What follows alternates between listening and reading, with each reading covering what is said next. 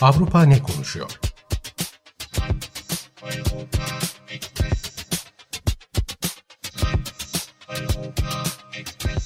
Avrupa medyasından yorumlar.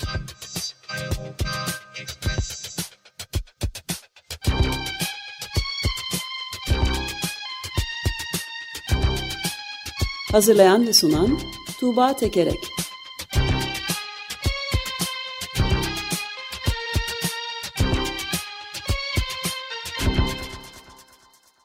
Günaydın Tuğba, merhabalar. İyi yıllar. Günaydın Ömer Bey.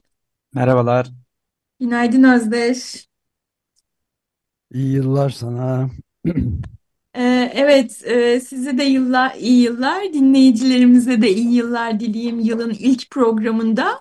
Ee, en son dört hafta önce program yapmıştık. Ee, araya hastalıklar, yılbaşı falan girdi Ee, ve yaklaşık bir ay geçmiş oldu. Bir ay sonra merhaba herkese. Merhaba tekrar. Evet, Avrupa ne konuşuyor bakalım? Avrupa ne konuşuyor? Bu, bu geçtiğimiz bir ayda olan önemli gelişmeler var aslında. Onlardan da bahsedeceğim. E, Hollanda'nın kölelik konusunda dilediği bir özür var. E, İskoçya'da cinsiyet e, geçişiyle ilgili önemli bir e, yasal düzenleme var. E, ama önce e, sıcak bir gelişmeden bahsedeyim. E, Çin'de Covid e, vakalarının patlamış olması ve bunun Avrupa'ya yansımış e, yansıması. E, daha önce konuşmuştuk. Kasım ayında Çin'de ülke genelinde e, bu kapatmalara karşı, kısıtlamalara karşı geniş çaplı protestolar olmuştu. Bunun ardından Çin yönetimi 3 yıldır sürdürdüğü sıfır Covid politikasını terk etti ve korona kısıtlamalarını hızla kaldırdı. Yani Kasım ayında e, Covid olduğunuz önce ö- örneğin bir merkeze gidip orada karantinaya girmeniz gerekiyordu.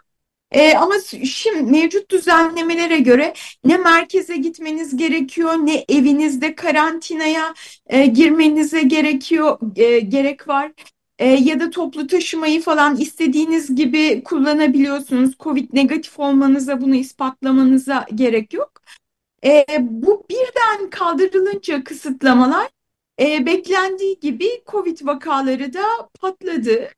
E, ve yani bunun e, Covid vakalarının artmasının önemli sebeplerinden birisi de Çin'de sadece kendi aşılarını kullanıyor olmaları, Sinovac ve Sinopharm aşı- aşıları. Ve bunların da son varyantlara karşı özellikle omikrona karşı etkili olduğu konusunda ciddi şüpheler var. Fransa'dan Le Point gazetesinden bir yorumcu şöyle diyordu Aralık ayında.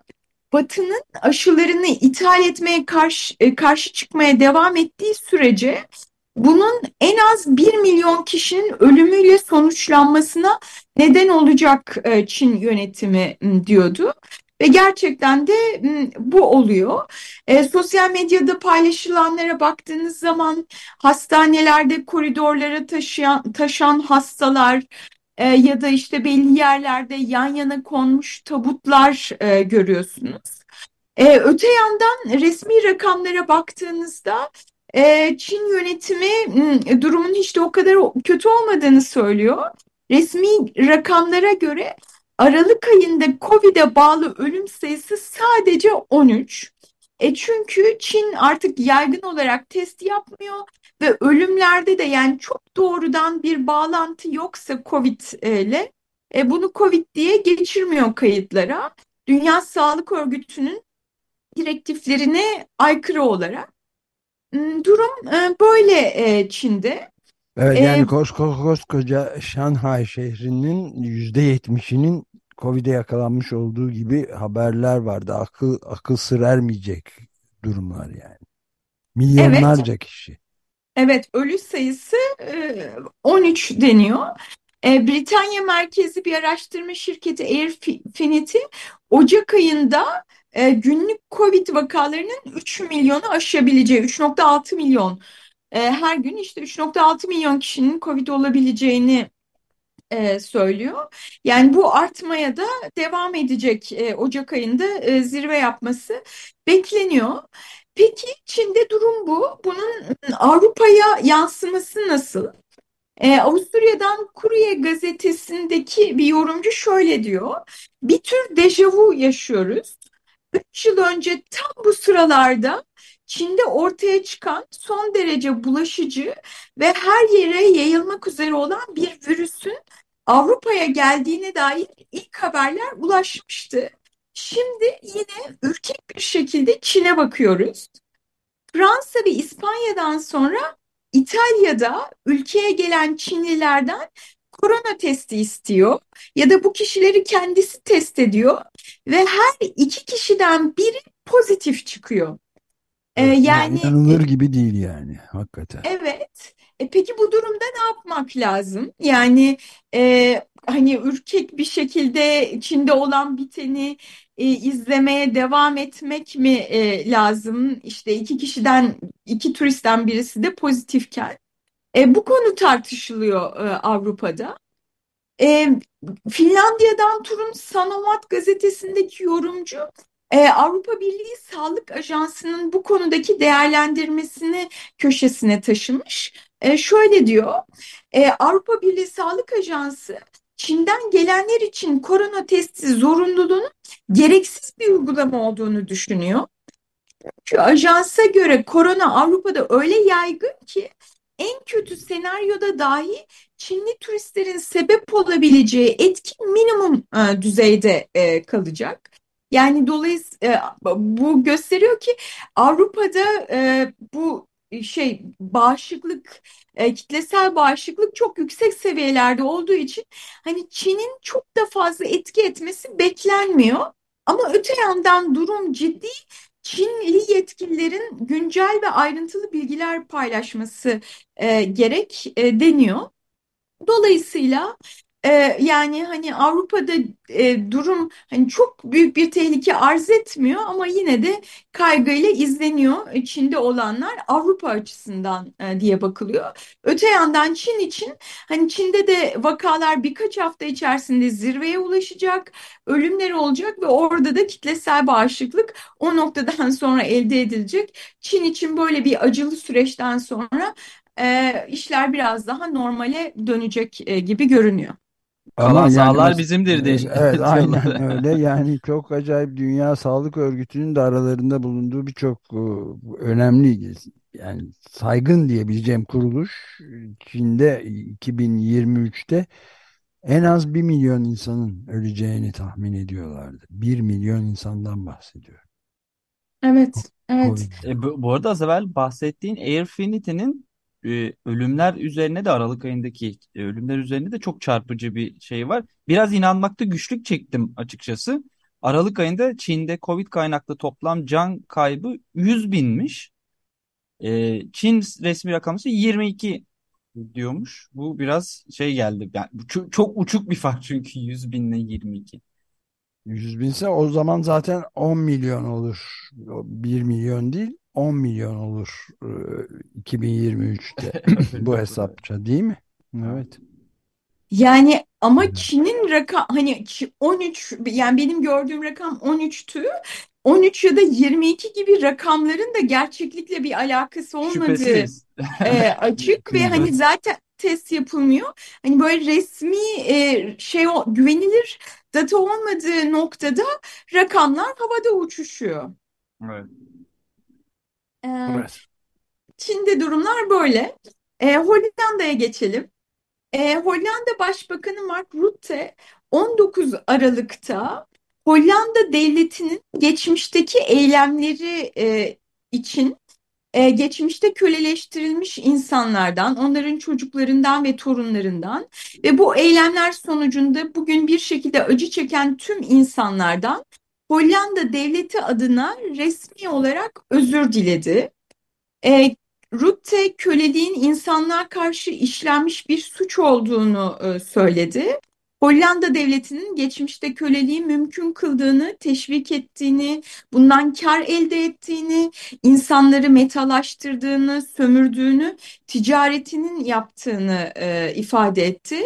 600 bin Afrikalının hayvan gibi taşındığını bu köle ticareti kapsamında tarihin çirkin, acı verici ve utanç verici e, olaylarla dolu olduğunu e, belirtti. Yani böyle son derece güçlü ifadelerle bir özür e, diledi. E, bu özür de Lahey'de Ulusal Arşiv binasında özür için mücadele eden derneklerinin temsilcilerinin olduğu bir e, buluşmada gerçekleştirdi. E, bu arada Hollanda'daki hükümetinden diğer bakanlar da Hollanda'nın eski sömürgelerine gidip bu özrün ne anlama geldiği konusunda oradaki e, insanlarla bir araya geldiler aynı gün. E, toplantılar yaptı, yaptılar. E, Rutte bu özürle bir nokta koymuyoruz, bir virgül e, atıyoruz e, ifadesini kullandı. E, biraz bu köle geçmişine bakalım. Yani Hollanda Avrupa'da kölelikle ilgili en doğrudan ve en yoğun kölelik konusunda en yoğun e, eylemleri yapmış ülkelerden bir tanesi. Altın çağı denen bir çağ var ve bu çağ çok büyük ölçüde köle ticareti sonucunda elde ettiklerine e, dayanıyor. Ve köleliği en son terk eden ülkelerden bir tanesi 1863'te terk etmiş e, insanları Afrika'dan alıyor. E, temel olarak e, baş, e, en başta Amerika olmak üzere farklı e, yerlere götürüp burada şeker, kahve tüt ve tütün plantasyonlarında e, çalıştırıyor. Ve bu arada insanlara korkunç işkenceler yapılıyor. Şu enteresan 3 yıl önce George Floyd'un öldürülmesini, Black Lives Matter hareketini e, den bahsediyorduk e, ve bu kapsamda yapılanlardan bahsediyorduk. Aslında bu özür de bu protestoların bir sonucu. O, o protestolar sonrasında Hollanda'da hükümetin direktifiyle bağımsız bir komisyon kuruluyor. Hollanda'nın bu siyah e, kara geçmişini e, araştırması, kö kölelik geçmişiyle ilgili araştırma yapılması için ve bu komisyon özür dilenmesi e, gerektiğini söylüyor. E, ve onun ardından da zaten hali hazırda işte Amsterdam, Rotterdam, e, Lahey belediyeleri e, resmi olarak özür dilemişti. Şimdi de devlet adına e, özür dilenmiş oldu. E, baktığımız zaman mesela Hollanda'dan De Volkskrant gazetesinden bir yorumcu özür uzun zamandır bunun yapılmasını isteyen aktivistler için müthiş bir başarı e, diyor. Bir yandan böyle olumlu değerlendirmeler var. Ama bir yandan da bunun eksik olduğunu e, ya da yanlış bir şekilde yapıldığını söyleyenler de var.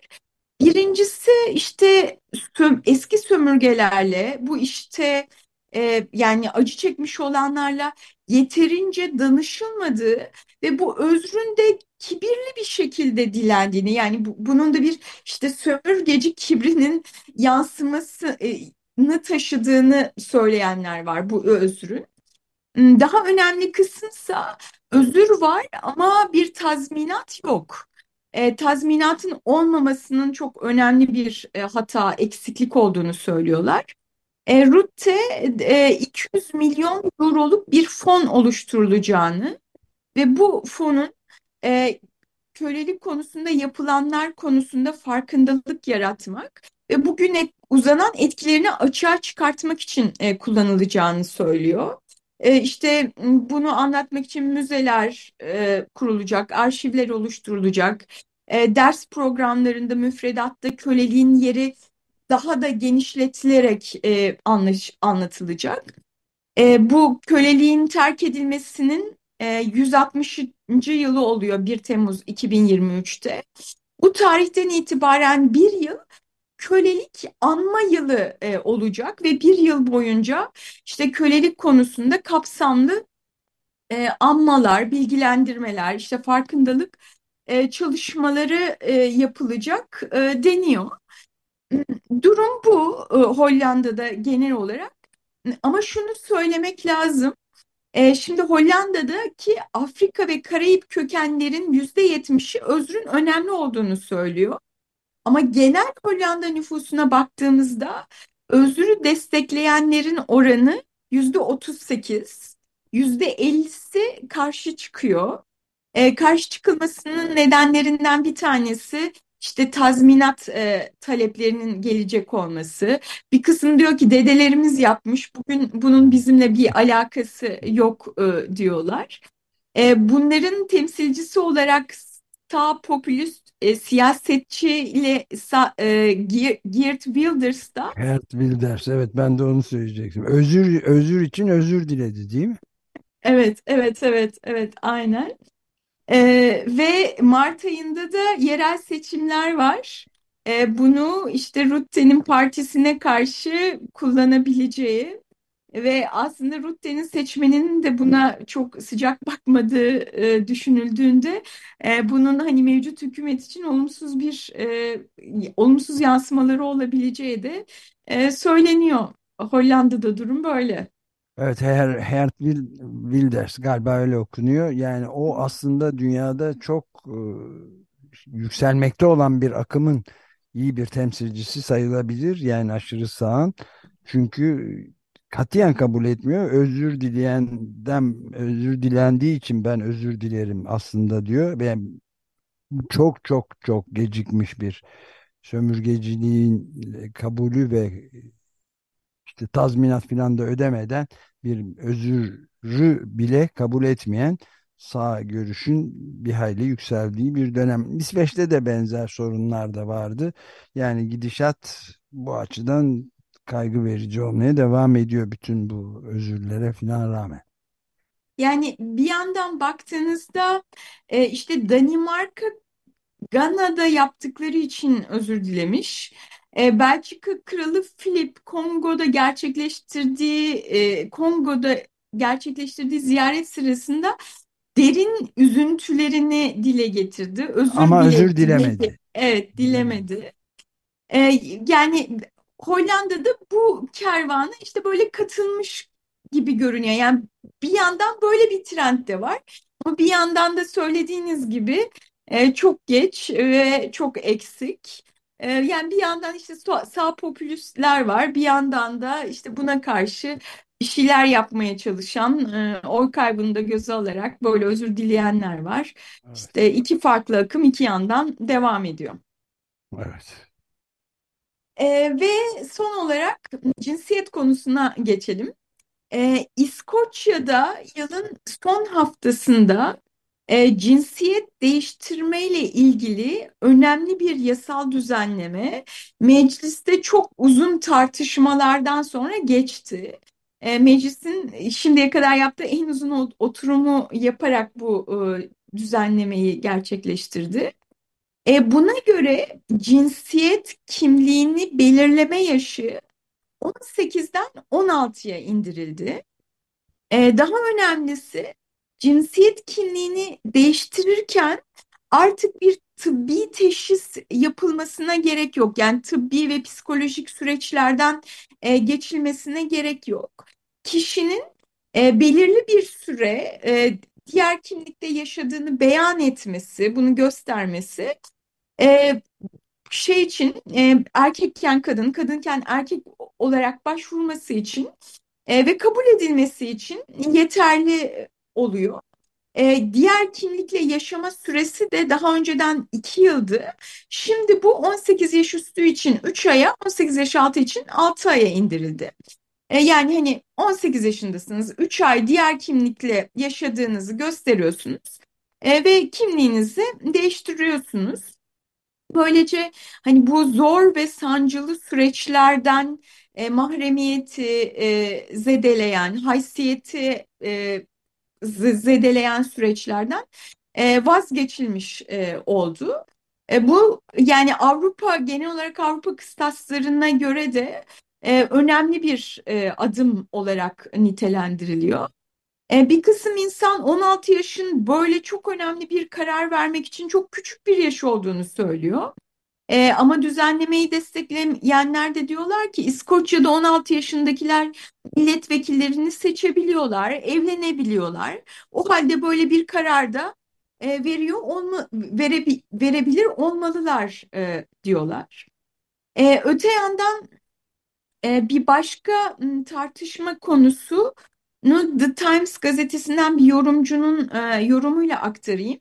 Trans bireylerin hakları tartışma konusu değil diyor yazar. E, fakat dileyen herkesin istediği gibi cinsiyet sertifikası alabilecek olması hata. Yasa potansiyel istismar vakalarına karşı bir koruma mekanizması sağlamıyor. E, daha çok gündeme getirilen bu istismar meselesi. E, yani bir erkeğin e, diyelim ki ben kadınım deyip e, bir kadın hapishanesine gidebileceği e, söyleniyor. Yani bu tip e, özellikle kadınların e, aleyhine olabilecek şekilde bu mekan kullanımı açısından özellikle e, istismar vakalarının olabileceği e, söyleniyor. Bu yani bazı feministler de bu açıdan e, karşı. E, bu da önemli bir tartışma konusu. E, buna karşılık The Scotsman gazetesinden bir yorumcu şöyle demişler. Demiş, e, trans bireyler yenik cinsiyetleriyle belli bir süre yaşadıklarını kanıtlamak zorunda olacak zaten. Beyanname imzalayacaklar, gerçeğe aykırı beyanda bulunanlar suç sayılacak.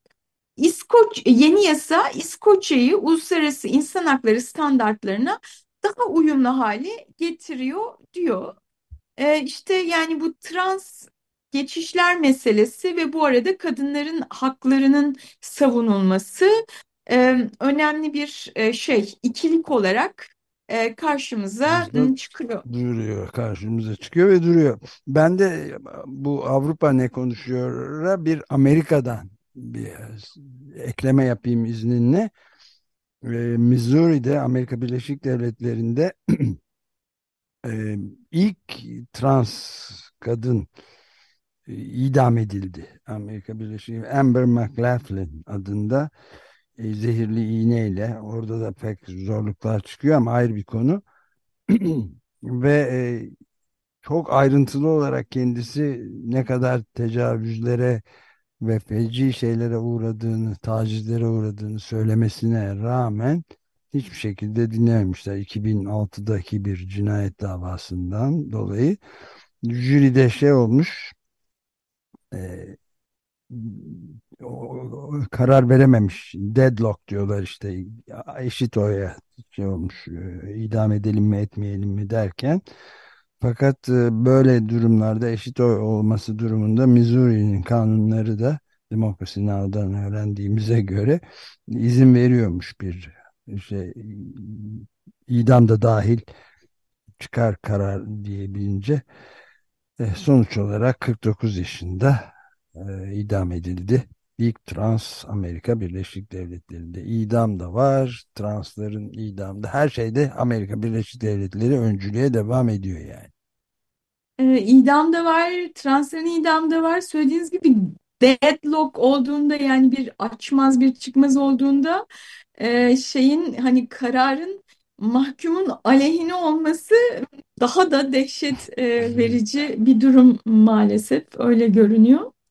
E, son olarak e, Eurotopics bültenlerinden e, şey de ekleyeyim ben. E, İsviçre'de de bu cinsiyet belirleme konusunda e, bir e, düzenleme ihtimali vardı. Onunla ilgili gelişmeden bahsedeyim. İsviçre hükümeti resmi kayıtlarda kişinin cinsiyeti için üçüncü cinsiyet ya da cinsiyeti yok alternatiflerinin e, getirilmesi önerilerini reddetti. E, bunu reddederken ikili cinsiyet sisteminin hala İsviçre toplumunda güçlü bir şekilde benimsendiğini üçüncü cinsiyet için toplumsal koşulların oluşmadığını e, söyledi. Yani işte Avrupa'da ikili cinsiyet sistemi de çeşitli yerlerde, çeşitli bağlamlarda konuşulmaya devam ediyor. Buradan bunu görüyoruz. Evet, aynen. Peki, çok teşekkür ederiz Tuğba. Ben teşekkür ederim. Eurotopics bültenlerinden bu haftalık bu kadar. Gelecek hafta görüşmek üzere. Görüşmek üzere. hoşça Görüşmek kal. üzere.